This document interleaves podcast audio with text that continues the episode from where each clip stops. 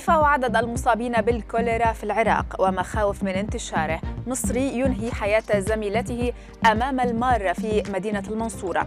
وفاة طفلة لبنانية بعدما رفضت ست مستشفيات استقبال حالتها. أبرز أخبار الساعات الأربع والعشرين الماضية في دقيقتين على العربية بودكاست. نبدأ من العراق حيث ارتفع عدد الإصابات بالكوليرا إلى 17 حالة حتى يوم أمس الأحد بعد تسجيل محافظة أربيل أربع حالات جديدة وسط مخاوف من انتشار المرض البكتيري في كل أنحاء البلاد.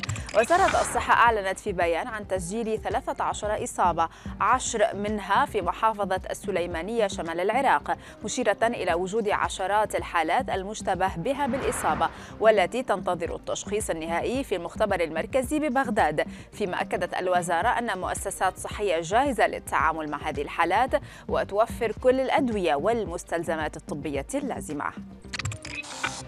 ضجة وغضب واسع في مصر بعدما أقدم طالب على قتل الزميلة له ذبحا أمام بوابة جامعة المنصورة في محافظة الدقهلية شمال القاهرة. وسائل إعلام محلية أفادت بأن الضحية التي تدعى نيرة أشرف لفظت أنفاسها الأخيرة قبل ذهابها للمستشفى مشيرة إلى أن الشرطة قبضت على الجاني الذي حاول عدد من المارة الفتك به. وأضافت تقارير أخرى أن السلطات بدأت التحقيق في الجريمة الجريمة البشعة فيما نقلت صحيفة المصري اليوم عن شهود عيان قولهم إن الشاب أراد الزواج من الفتاة لكنها رفضته فقرر الانتقام منها وهددها بالقتل. رفضت ست مستشفيات استقبالها. فعليا هذا ما حصل مع طفلة لبنانية تدعى ياسمين. اجتاحت قصتها منصات السوشيال ميديا بعدما تم الإعلان عن وفاتها مؤخرا وسط مطالبات بمحاسبة المسؤولين.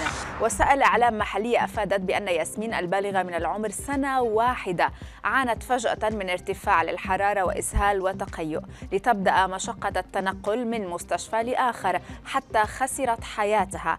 فيما أوضح جد الطفلة أن معظم المستشفيات التي ذهبوا إليها من طرابلس إلى بيروت رفضت استقبال حفيدته بحجة عدم توفر قسم للأطفال أو عدم وجود الأجهزة اللازمة لعلاجها مشيرا إلى أن أحد المستشفيات طلب دفع ألف دولار لإجراء تحاليل وفحوصات. في المقابل أعلنت وزارة الصحة اللبنانية فتح تحقيق بقضية ياسمين. بعد سلسلة من الخسائر المتتالية التي استمرت لنحو 12 يوما عادت العملة المشفرة بيتكوين لترتفع بنسبة 16% أمس الأحد لتسجل 20400 دولار. أكبر عملة مشفرة في العالم عوضت خسائرها من الانخفاض الحاد يوم السبت الماضي والذي أدى إلى تراجعها لمستوى 17600 دولار فيما ارتفع سعر عملة الإيثريوم بنسبة 26% ووصلت إلى 1140 دولارا. بعدما لامست أدنى مستوى لها خلال عملية البيع عند 881 دولارا. وفي خبرنا الأخير اقترب علماء في أمريكا من تطوير حبة حبة دواء جديدة تمنح الجسم فوائد ممارسة الرياضة دون القيام بأي تمرين مشيرين إلى أن لها تأثير في تقليل الشهية وفقدان الوزن. صحيفة ديلي ميل أوضحت أن الباحثين اكتشفوا مركبا له مفعول مضاد للجوع ينتجه الجسم عند ممارسة التمارين الشاقة وبتجربته على الفئران البدينة. انخفضت معدلات تناول الطعام لديها بنسبة 30% فيما قال أطباء أن اكتشاف هذا المركب يمهد الطريق لحبوب مقاومة الدهون في المستقبل.